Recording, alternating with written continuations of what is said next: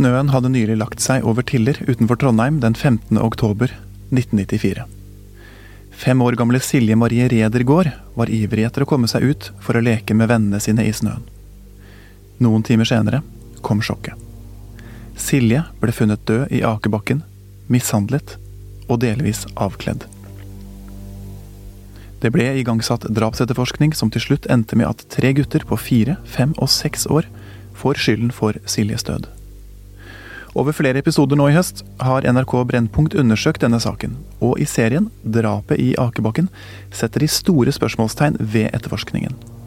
Ekspertene som de har vært i kontakt med, de konkluderer med at det ikke finnes tekniske bevis for at guttene sto bak ugjerningene mot Silje, og at barna ble utsatt for ulovlige avhør og press.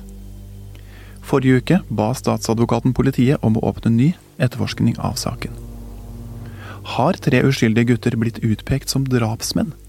Og hva skjer videre nå? Mitt navn er Håkon Fostervoll Høydal. Jeg er vikar for Håvard Christoffersen Hansen denne gangen, og du hører på Krimpodden.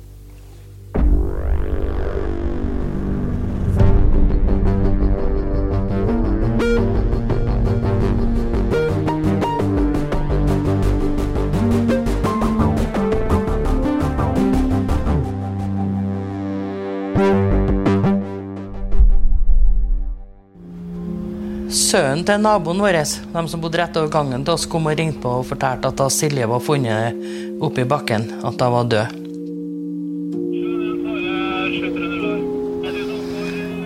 Jeg husker nesten ingenting, fordi det ble som et sjokk. da. Visste ikke helt hva jeg skulle gjøre, hva jeg, skulle, hva jeg kom til, og hva jeg eventuelt fant. det. For det var jo min datter. Dette er moren til Silje. Her blir hun intervjuet i dokumentarserien til NRK Brennpunkt 'Drapet i Akebakken'. VG har vært i kontakt med Siljes mor, som ikke ønsker å stille til intervju om saken nå. Vi gjengir delene av intervjuet med tillatelse fra NRK. I dokumentaren så forteller moren til Silje om dagen da datteren ble funnet drept. Saken fikk stor oppmerksomhet da pga. hvem som ble funnet skyldige i å ha forvoldt Siljes død, nemlig tre andre barn. Nå, 27 år senere, så har saken fått fornyet oppmerksomhet takket være Brennpunkts gjennomgang. Og flere eksperters kritiske blikk på etterforskningen, bl.a. avhørsekspert Asbjørn Rachlew. Han skal vi snakke med senere, men eh, først VGs krimkommentator Øystein Millie. Hva handler Silje-saken om?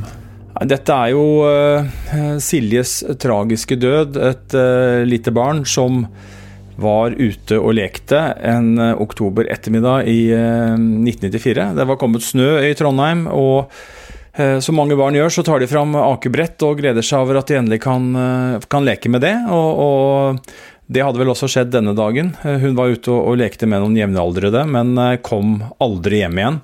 Eh, Silje ble jo funnet eh, død i eh, ja, nærheten der hun akte, på Tiller i Trondheim. Politiet fastslo jo ganske fort at hun var utsatt for vold, og at man sto overfor et drap. Og, da er jo alltid det store spørsmålet hva har skjedd her? Hvem har gjort dette? Og det var jo også utgangspunktet da politiet starta etterforskning av dette tragiske dødsfallet. Ja, hva hadde skjedd? Hvem har tatt livet av den lille jenta i akebakken? To smågutter, en femåring og en seksåring som har lekt sammen med Silje samme dag, avhøres som vitner. De forteller begge om ungdommer som skulle ha sparket og slått Silje. Men en tredje gutt, en fireåring som også lekte sammen med Silje den dagen, han sier noe helt annet.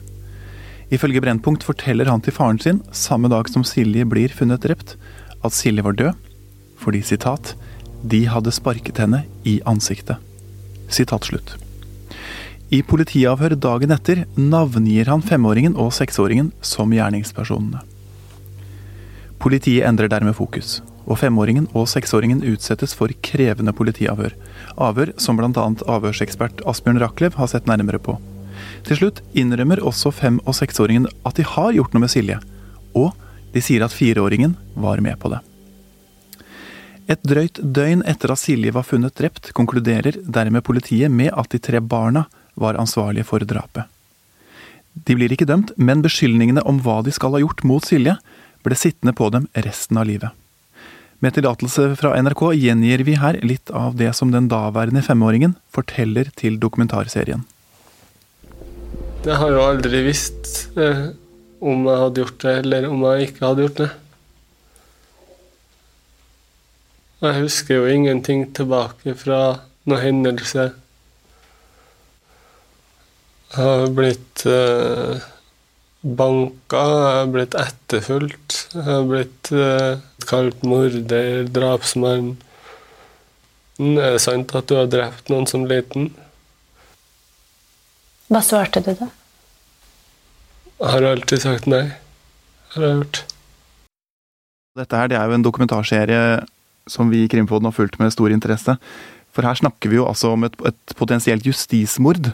Eh, og Et av spørsmålene er jo da hvorfor måtte det ta politiet 27 år å, å få denne saken gjenåpna? Svaret på det tror jeg er ganske enkel, og, enkelt, og det handler om eh, at Brennpunkt-redaksjonen i NRK har gjort en uh, grundig jobb og har belyst denne saken på et veldig uh, solid vis, og at den ja, vold, veldig solide dokumentasjonen de har eh, pekt på og, belyst og dratt frem gjennom, eh, gjennom, sin serie, har jo stilt mange spørsmål. Og det er jo en direkte foranledning til at politiet nå gjenåpner denne saken. Så jeg tror det er eh, ene og alene fordi at Brennpunkt-redaksjonen har gjort den journalistiske jobben de har gjort, nemlig å å dra fram denne saken og problematisere det som skjedde den gangen, og pekt på da det som er fare for et justismord, i den forstand at disse barna på fire, fem og seks år ble jo utpekt som eh, de som sto bak eh, hennes død. Det var, det var, tre barn som lekte sammen med henne. En fireåring, en femåring og en seksåring. Femåringen og seksåringen medvirker i, i dokumentaren. Uh, og da er det jo for det første problematisk at de ble utpekt på det som kan synes å være et veldig sviktende grunnlag. Eh, det er det ene. Og det andre er jo at hvis det er riktig at de ble feilaktig eh, utpekt som hennes eh, på å si, anførselstegn drapsmenn, dette er jo barn vi snakker om, da, men likevel, det er jo det begrepet er. Så er det jo fare for, eller ikke bare fare for, hvis det er sånn, så, så, går det jo noen andre der ute som har gjort det. Dette kan jo være personer som var over den strafferettslige lavalder, og som sånn sett kunne ha og burde ha vært etterforska og eventuelt eh, stilt til ansvar for hennes død, så da har jo de i så fall gått eh, fri. Um, og Det tredje er jo da behandlingen disse barna fikk som først vitner, og så som mistenkte hos politiet, som jo får stor eller sterk kritikk nå i, uh, i 2021, og som fremstår som uh, en, veldig merkelig måte å for det første forholde seg til disse barna på, men også at man da så fort kom til den Eh, oppsiktsvekkende konklusjonen som politiet faktisk landa på, nemlig at det var noen små barn på da fem-seks år som hadde eh, forvoldt hennes død.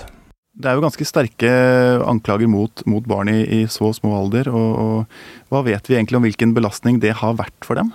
Nei, altså de ble jo ikke da dømt, eh, selvfølgelig per definisjon. Man var som vi var inne på, Håkon, så, så blir man jo ikke eh, straffeforfulgt som et barn. Men de ble jo likevel utpekt. Og, og, som det fremkommer i denne dokumentarserien, så har jo det prega livet deres. Uh, uh, ligget der som et bakteppe. Man har uh, visst, og omgivelsene har visst, at de ble utpekt for å ha vold, for voldt hennes død. Og så kan du jo si at selv om de var, var små og man kan si at ja, men dette var jo barn, så det var ikke med vilje osv., så, videre, så er det klart at det er en enorm belastning eh, å ha det hengende over seg. Eh, og, og, familien har fått lide av det, Um, og det er jo da et voldsomt stigma forbundet med dette her. Uh, både femåringen og seksåringen har jo, uten at vi skal si at det er noen uh, direkte sammenheng, da. Det skal vi bare understreke, men de har jo hatt utfordringer opp gjennom oppveksten. De har vært i, i fosterhjem, og vi vet også at en av dem er åpen om at han har hatt et rusproblem. Og så understreker vi igjen at vi kan ikke si at det er noen direkte forbindelse her, men samtidig så må man jo ta inn over seg at det har vært deres situasjon, og at det har skjedd ting da når de var små som eh, eh, kan være, eller er, veldig belastende, og som selvfølgelig kan gi seg utslag i oppvekst og også i voksen alder. Vi skal jo i denne episoden se litt nærmere på hva som kan ha gått galt i etterforskningen, og her er det jo flere ting som du og andre eksperter reagerer på. Eh, hvis vi først tar for oss det at, eh, at, politiet mener at det er barn som skal ha stått bak et drap, hvor sannsynlig tenker du at det er Det er jo det første kontrollspørsmålet jeg tenker man må stille seg, er jo at uh, her ligger det et uh, barn som er dødt, uh, er utsatt for vold. Og så var det også kaldt, og, og, hun var vel også våt, så det har jo vært medvirkende årsaker, kanskje. Men, men en femåring og en seksåring er jo ikke store, tunge personer med, som kan utøve noen form for grov vold eller være sterke på noe vis. Så, så det er jo på en måte det første. Og så må man jo se på hva vet vi da? Eh, altså Overordna sett så er det det første, og så må man gå ned i detaljene. og Da er det jo eh, et faktum at både femåringen og seksåringen i de første avhørene gir ganske så like forklaringer med noen av de samme detaljene. De snakker om at det er ungdommer som har kommet, de snakker om at det er flere ungdommer, de snakker om eh, hvilken type bekledning. Eh, de kan beskrive den bekledningen. De beskriver eh, likhet når det gjelder hva slags type vold hun skal ha blitt utsatt for, at hun, at hun falt. De snakker også om dette med klær, og at klærne delvis ble tatt av. Snakker om vann og is. Så det er liksom mange ting i disse to forklaringene som uh, jeg mener gjør at politiet bør lytte på de forklaringene, og selvfølgelig undersøke om det fins andre Eh, bevis, opplysninger, informasjon som enten understøtter deres forklaring, eller eh, taler imot eh, den versjonen de gir. Men uansett da, så har jo politiet allerede her et veldig konkret spor. Altså De har to vitner, ja de er unge eller de er barn, men de forklarer seg ganske så likt. Og så er det jo etter hvert, da, som vi skal snakke mer om, så får jo politiet da et annet vitne, nemlig den yngste av dem, fireåringen, Eh, som de velger å tro på. Eh, som jo da sier at, eh, at de to andre utsatte Silje for, for, vold, og at han så hva de gjorde med henne. Og her skurrer det jo allerede. Det at man da legger et vitneutsagn fra, fra én gutt, ett vitne, fire år, til grunn, til tross for at de andre sier noe annet, så er det så er jo det litt rart. Og så kan det jo selvfølgelig være sånn, bare så det er sagt, at det at to sier det samme, og én sier noe annet, betyr jo ikke at det er sånn at uh, de to har rett i enhver situasjon. De kan også ha motiver for å lyve. Men, men, poenget er at politiet må uansett teste disse ulike hypotesene, gå opp og ut alle sporene, og på en måte uh, la disse to mulighetene mm, konkurrerer mot hverandre, da, som er et uttrykk som politiet bruker i dag, for å se om det er riktig, som fireåringen sier, eh, at det var de to som sto bak, eller om det er riktig, som fem- og seksåringen sier, at det var noen andre ungdommer som kom og som utsatte henne for vold. En som har jobbet mye med denne saken i høst, er politioverbetjent og forsker ved Politihøgskolen, Asbjørn Rachlew er en av Norges mest anerkjente eksperter på politiavhør, og leverte nylig en rapport til Riksadvokaten om Silje-saken. Han tok selv kontakt med Riksadvokaten og foreslo at han skulle gå gjennom saken med utgangspunkt i alt det han kan om avhørsmetoder. Silje-saken den begynner å bli gammel, den er fra 1994, og Rachlew kunne ikke huske den spesielt godt da NRK Brennpunkt for to år siden kontaktet ham og ba om hans hjelp. Først svarte han nei. Han hadde ikke tid, men da Brennpunkt ett år senere tok kontakt, da sa han ja til å hjelpe dem og se på saken. Og nå har han altså levert en egen rapport om den til Riksadvokaten, og statsadvokaten har bedt politiet om at saken skal gjenåpnes og etterforskes på nytt. Det er Krimpodens Isak Egge Brønseth som har møtt nettopp Asbjørn Rachlew på kontoret hans. Mye å gjøre. Ja. ja. og, så er det tidsfrister. Fordi, bare, ja, ja. Uh, og det er jo, det er jo på grunn av Det er av media. vet du. Det er dere ja. som dere har Vær så god, sitt ned. Og masse. og mase. Så nå skal jeg sende en um, Nei, altså hvorfor er det ikke stilt spørsmål til denne saken tidligere? Vel, um, politiet i Trondheim i 1994 um, Ca. et døgn etter at Silje var funnet død, eh, gikk jo ut eh, med en pressekonferanse hvor jeg tror det både var nasjonal og internasjonal presse til stede, og bare sa at saken er oppklart. Det var Lekekameratene. Eh, og nå må, vi, nå må vi bare legge saken død og overføre den til barnevernet.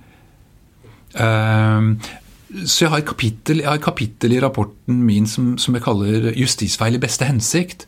Altså, Det er ingen tvil om at politimesteren i Trondheim, slik jeg ser det, ønsket å skåne disse barna så mye som mulig ved å på en måte legge saken død. Politiet har oppklart den. Det er barn involvert. Er, vi må anse dette som en ulykke, og ferdig med det, liksom. Og så ble det så ble jo det den etablerte sannheten.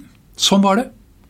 Og så tror jeg alle, inkludert meg selv, har bare tenkt at ja, slik var det jo. Og Det jeg konkluderer i, med, i, rapporten min, det er at den avgjørelsen som politiet, mine kolleger tilbake i 1994, i best hensikt um, fattet Det var en avgjørelse de fattet altfor tidlig, på et sviktende grunnlag. Uh, altså, Skyldspørsmålet i saken ble annonsert ut offentlig eh, før de kriminaltekniske undersøkelsene i saken var ferdig. Altså før den eh, preliminære obduksjonsrapporten var ferdig, ja, før rundspørringene var ferdig, før etterforskningen var ferdig. Det, det, det er et kritisk punkt i Silje-saken. I gjennomgangen av etterforskningen gikk Rakelev spesielt nøye gjennom avhørene av de tre guttene. Dessverre så finnes det ikke eh, lyd- eller videoopptak. Og jeg sier dessverre, eh, men, men jeg håper å si Jeg skriver vel også i rapporten min heldigvis, for det hadde vært smertefullt å se på. For disse barna blir utsatt for det vi i dag kaller gammeldagse avhørsmetoder. Tilståelsesfokuserte avhørsmetoder. Um, da jeg skriver i rapporten min at de, de slapp ikke ut av politiets avhørsrom før de hadde tilstått. Eh, så eh, jeg var overrasket, særlig det ene avhøret som strekker seg over eh, timer. Jeg var overrasket over at barnet ikke knakk sammen og tilsto tidligere. Det som er spesielt, det er at to av disse barna, fem og seks år gamle, de fortalte til politiet dagen før, altså da Silje ble funnet død, så fortalte de til sine foreldre og til politiet at det var noen ungdommer som var vært slemme med Silje. Um, og Innledningsvis så er det ansporinger i etterforskningen om at politiet i Trondheim hadde et åpent sinn, og lyttet også til barna knyttet til dette med at det var eh, observert ungdommer i nærheten. Eller, eh, men på et eller annet tidspunkt, og jeg tror det faktisk eh, skjedde samme kveld som Silje var funnet død, så bestemte politiet seg for at det var barna.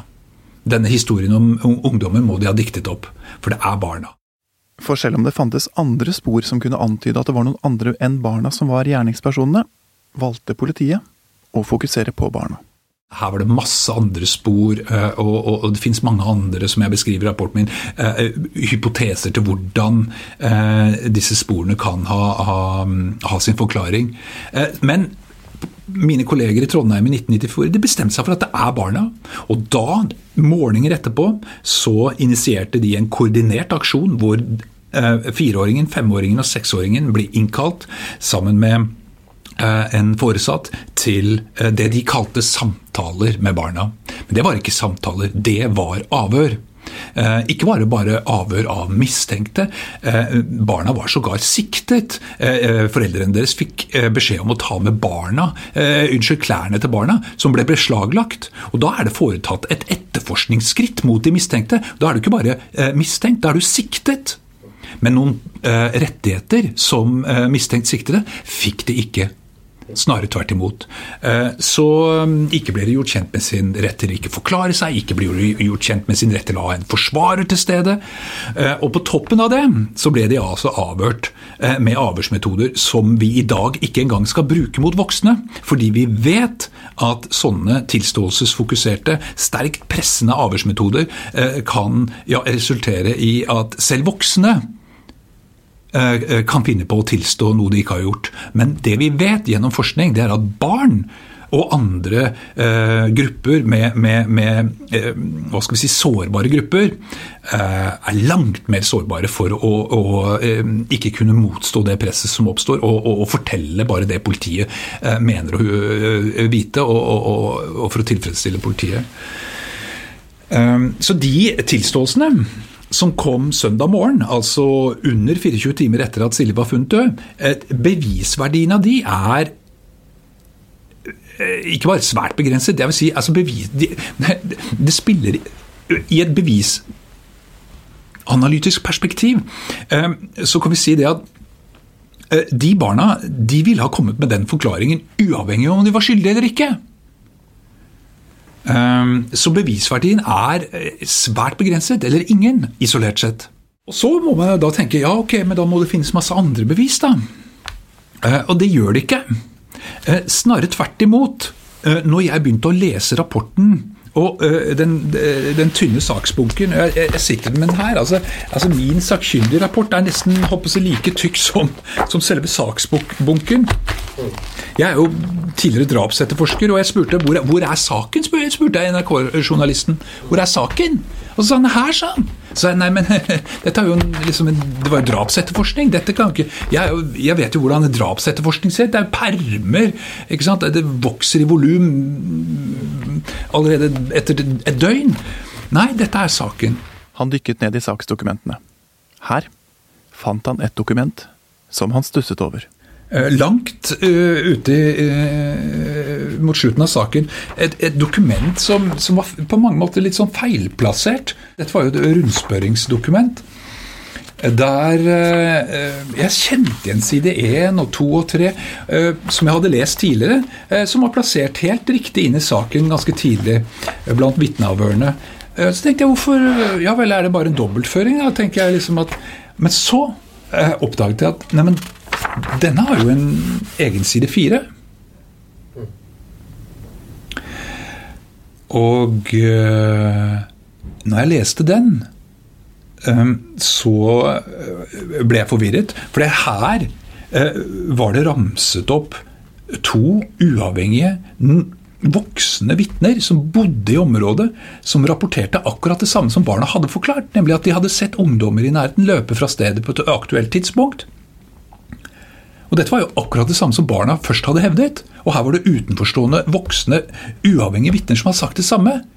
Men det som forvirret meg, det var jo at jeg hadde jo finlest da samtlige eh, vitneavhør i saken. Og jeg kjente ikke igjen navnene, så jeg måtte gå opp i, i, i saksdokumentene igjen, i mine egne analysedokumenter. Nei! De var ikke avhørt. Så derfor så konkluderer jeg også med at, uh, at uh, i et bevisvurderingsperspektiv eh, så er det langt ifra bevist utover enhver rimelig tvil om at det var eh, de små barna som hadde gjort det. Snarere tvert imot. Altså, jeg tror ikke det hadde vært grunnlag for å varetektsfengsle dem engang. Eh, fordi, fordi saken var ikke ferdig etterforsket. Disse ungdommene var ikke forsøkt identifisert. Sentrale øyenvitner, eller vitner, sentrale vitner, var ikke avhørt. Um, så, så det, det, er, det, er, kanskje de mest kritiske uh, passasjene i rapporten min. Og uh, Et annet kritisk punkt er jo at undersøkelser, kriminaltekniske undersøkelser som jeg mente måtte være naturlig å gjennomføre, uh, jeg ser ikke spor av de i rapporten. Så Det betyr for meg at enten så er de kriminaltekniske laboratorieundersøkelsene ikke gjennomført, eller så er de i verste fall gjennomført med negativt resultat, og da ikke lagt inn i saken. Dette vet ikke jeg, eh, men eh, essensen av, av min kritiske, mitt kritiske funn her er at eh, det er ikke noe spor etter slike helt naturlige kriminaltekniske analyser. De, når du nå kom til den uh, konklusjonen at du, du, tenker at det her burde etterforskes på nytt, hvilke sånn konkrete deler uh, er det du ser på som uh, viktigst uh, for å komme til den konklusjonen? Ja, det er både de kriminaltekniske undersøkelsene. Da tenker jeg både med tanke på en kritisk analyse av det kriminaltekniske arbeidet som er gjort på åstedet, og de konklusjonene som er trukket ut ifra det arbeidet. Og det er for meg veldig interessant, fordi når jeg leser de kriminaltekniske rapportene, eh, så ser jeg at de er datert etter at barnet har tilstått. Og I de kriminaltekniske rapportene så står det at konklusjonene er fundert i sak, eh, de objektive funn fra åstedet, egne vurderinger samt sakens øvrige opplysninger. Altså barnas tilståelse. Det er en skummel eh, sammenblanding av eh, informasjonskilder. For vi vet gjennom kritisk forskning av falske tilståelser internasjonalt at dersom tilståelsene som tilkommer politiet er falske, ja, så viser all forskning, og dette er, øh, har forskere gått gjennom mange straffesaker, så ser man at sakens øvrige bevis plutselig begynner å å, å passe den falske tilståelsen. Så, så, det er et kritisk punkt i min rapport, hvor jeg da identifiserer det faktum at de kriminaltekniske konklusjonene eh, er eh, formet etter tilstål, tilståelsene. Ja, Øystein, eh, det er ikke alltid helt lett å følge med på hva Raklev uh, sier. Kan du forklare hva det er han peker på her?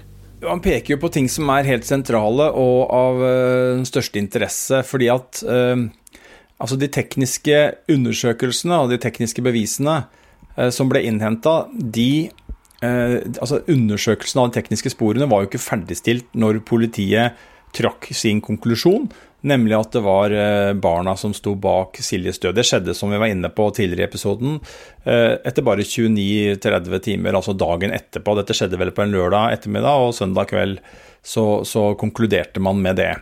Eh, og dette er jo problematisk, fordi at for det første så burde man jo ferdigstille alle undersøkelser før man konkluderer. Enten det handler om tekniske bevis, eller om det handler om avhør av vitner, eller hva det måtte være, så er det veldig logisk at man fullfører en etterforskning før man konkluderer. Ehm, det er det ene. Og det andre er jo at han eh, påpeker jo at disse tekniske rapportene bærer preg av at eh, de er farga av barnas tilståelser. Og det skal jo være motsatt. Man skal jo konkludere med tilståelse, holdt jeg på å si, eller konkludere med hvem som har gjort det, og om en tilståelse er korrekt. Etter at man har gjennomført etterforskningsskrittene og på en måte kan understøtte da en tilståelse uh, på den måten. Ikke motsatt at man først tar en tilståelse, og så, uh, som Rakelev påpeker, at man ser Eh, at det er en fargelegging av eh, de rapportene fordi at man allerede da vet eh, at barna har tilstått. Det er det ene. Og det andre det er jo hvorfor det ikke er fulgt opp, som vi var inne på tidligere i episoden også, andre spor som peker i andre retninger, altså vitneforklaringer. Det er veldig rart. Og i sum da, så blir jo dette veldig eh, sviktende grunnlag å ta en avgjørelse på, når man da ikke har fulgt og tatt ut eh, eller gått opp alle de sporene som, som, man kan, både teknisk og taktisk, altså i form av tekniske undersøkelser, tekniske bevis og avhør, så, så er det jo veldig stor fare for at konklusjonen man trekker kan være feil. Og så sier han at eh, det kan hende at de kriminaltekniske laboratorieundersøkelsene ikke er gjennomført, eller at de i verste fall er gjennomført med negativt resultat og ikke lagt inn i saken. Det er øh, viktig å si først da, at øh, Rakelev påpeker jo at øh, politiet har, sånn han ser det, handla i beste hensikt, men at det er fare for at det har skjedd på et sviktende grunnlag. Uh, han peker på at det er en overhengende fare her, sånn som han vurderer denne saken da nå uh, for at det er kommet falske tilståelser. Og han peker jo på eh, dypt urovekkende forhold, eh, som vi var inne på. Dette med vitner og vitner som ikke er hørt, og vitneversjoner som ikke er ettergått. Så er det jo to vitner som han fant i rundspørringsdokumentene, som sier at de så ungdommer. Altså de støtter barnas første versjon. Det er ungdommer i området. Disse vitnene er altså ikke avhørt, eller så er disse avhørene lagt inn som nulldokumenter. Og nulldokumenter det betyr eh, at de ikke anses som relevante. Eh, at det er på en måte en støy i etterforskningen. Eh, og, og, og, dette er jo dette er jo ikke bra at, at, det har skjedd. fordi at disse, disse vitnene som ble fanga opp i rundspørringa, kunne jo hatt veldig viktig informasjon. Både med tanke på at disse ungdommene kunne blitt viktige vitner for hva som faktisk skjedde, eller at disse ungdommene også kunne ha noe med, med, med, med dødsfall å gjøre. Det vet man jo ikke, det må man jo finne ut av ved å etterforske. så at ikke de er avhørt, det er, det er altfor svakt. Eh, og så peker jo Raklev på at det var eh, ulovlige avhør av barna. Eh, han konkluderer med at etterforskningen har åpenbare mangler. Som vi har vært inne på, det trekkes for raske konklusjoner. Det er manglende støtte for konklusjonene i bevisene. Og det er kort og godt ikke gjort en grundig nok etterforskning. Og Han oppsummerer det bl.a. i en setning hvor han skriver at det hefter alvorlige problemer med etterforskningen generelt, og avhørene av barna spesielt. Politiet i Trøndelag de har ikke ønsket å kommentere kritikken mot etterforskningen overfor oss i Krimpodden. De opplyser at de venter på etterforskningsordre, og henviser til statsadvokaten for ytterligere kommentarer. Politimesteren i Trøndelag, Nils Christian Moe, han sa til VG i forrige uke at det sett med dagens øyne ikke er tvil om at etterforskningen som ble gjort den gangen, ikke var god nok. Dersom dette hadde skjedd i dag, ville saken blitt håndtert på en helt annen måte, ifølge Moe. Barna ville bl.a. ha fått oppnevnt forsvarer før avhør. Avhørene ville blitt dokumentert med lyd- og bildeopptak, og man ville ha etterforsket alle hypoteser fullt ut. Underveis i NRK Brennpunkts arbeid med saken hadde Kripos saken på sitt bord. De konkluderte med at det i utgangspunktet ikke var grunnlag for ny etterforskning. De mente at det hadde vært ønskelig å innhente flere vitneobservasjoner, men pekte på at det var vanskelig fordi saken ligger såpass mange år tilbake i tid. Statsadvokaten i Trøndelag, Bjørn Soknes, han poengterte overfor VG i forrige uke at politiet må gjøre et forsøk, og at det kan nyansere inntrykket av saken. Det kanskje mest kjente barnedrapet på den tiden var, var drapet på to år gamle James Bulger i, i, England. Det skjedde i 93, var det ikke det? Året før drapet på Silje. Og, og der var det jo faktisk to ti år gamle gutter som ble dømt for drapet. Eh, og navnet deres ble offentliggjort i britisk presse. og Man kan vel si sett med norske øyne at det var en, en, en smule hysteri i England rundt akkurat den saken der. og og den, den, den, den påvirka vel også hvordan, hvordan det ble snakka om Silje-saken, gjorde det ikke det? Jo da, det, det sies eh, at, at, den fikk jo skryt for måten den var håndtert på her i Norge. For den ble holdt opp mot britene, som eh, du var inne på, eh, Håkon. Og vi fikk jo ros for at vi ikke haussa opp saken. I England så var det demonstrasjoner, en kjempeoppmerksomhet rundt da dette tragiske barnedrapet på, på den toåringen. Eh, mens vi her hjemme på berget, så var det jo da, når en tilsvarende sak kom, så, så ble den på en måte forsøkt roa ned, håndtert som en ulykke fordi det var barn involvert, og at man da skulle skåne barna. Og så fremstår jo den Eh, velmenende tanken eh, i dag i et annet lys, eh, og kan jo, sånn som det ser ut, ha fått kanskje da, innvirkning på at man etter så kort tid konkluderte, istedenfor å gjøre som man burde gjort, brukt tid på å komme til sikre og gode konklusjoner på hva som faktisk skjedde med Silje, og ikke utpeke eh, noen barn som da i dag i hvert fall Asbjørn Rachlew påpeker det er hefta store, store problemer rundt tilståelsen til, og den og den konklusjonen som er trukket rundt dem. Det er jo ganske kraftig kritikk av politiet og det de gjorde i 1994. Men, men mye av det som, som, som, ble gjort av etterforskning og avhør i 1994, det ble jo gjort med beste hensikt, gjorde det ikke det? Jo da, uh, og det, det, var jo en annen tankegang. Man var ute etter å få denne tilståelsen, og man hadde jo veldig tro på at, uh, på at det var en riktig vei å gå, og at det var et Eh, ja, en, en, eh, trygg måte å oppklare en sak på, at man fikk en tilståelse. Eh, og så vet vi at det er problematiske sider ved det, og dette som vi står overfor her i denne saken, føler jeg er et kroneksempel på at man stirrer seg blind på en hypotese. Man jobber utelukkende for å få dem bekrefta, og man ser bort fra uh, åpenbare motargumenter. Og det er jo sånt som uh, kalles bekreftelsesfeller. Eh, og som politiet har blitt mye mer bevisste rundt nå i dag. Eh, for den som følger med Lørenskog-saken, så har vi hørt politiinspektør Gjermund Hansen si at man har to konkurrerende hypoteser. Altså Man uh, tror mest sannsynlig det er snakk om et drap, men man utelukker ikke kidnapping, og man etterforsker fortsatt det uh, som en hypotese. Man har ikke lagt fra seg den, selv om man har et annet, kall det hovedspor. Og det tenker jeg er tegn på at man har forhåpentligvis kommet videre, og at man tenker bredt, da.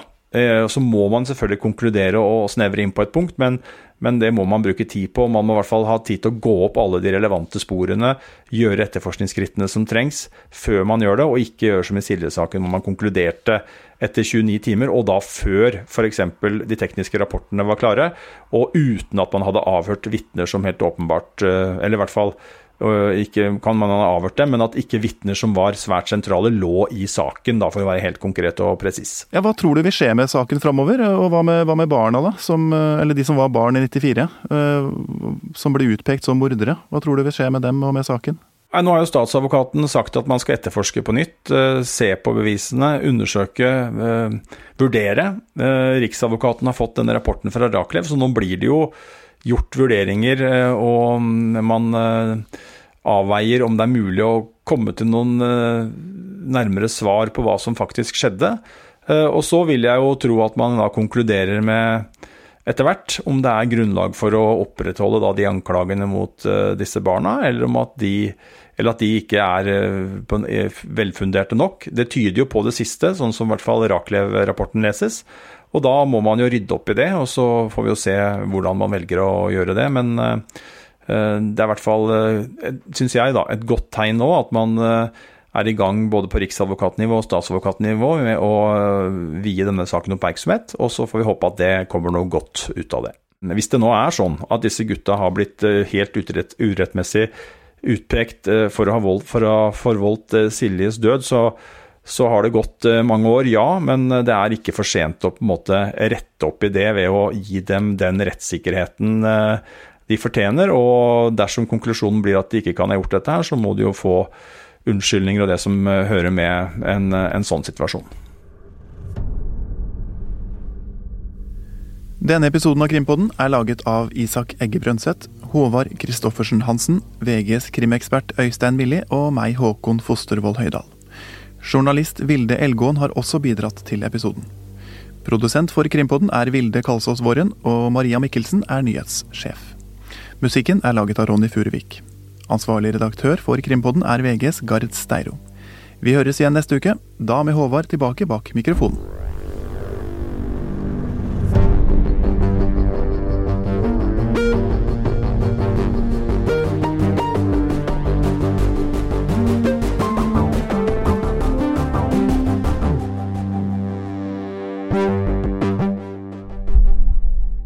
Du har hørt en podkast fra VG.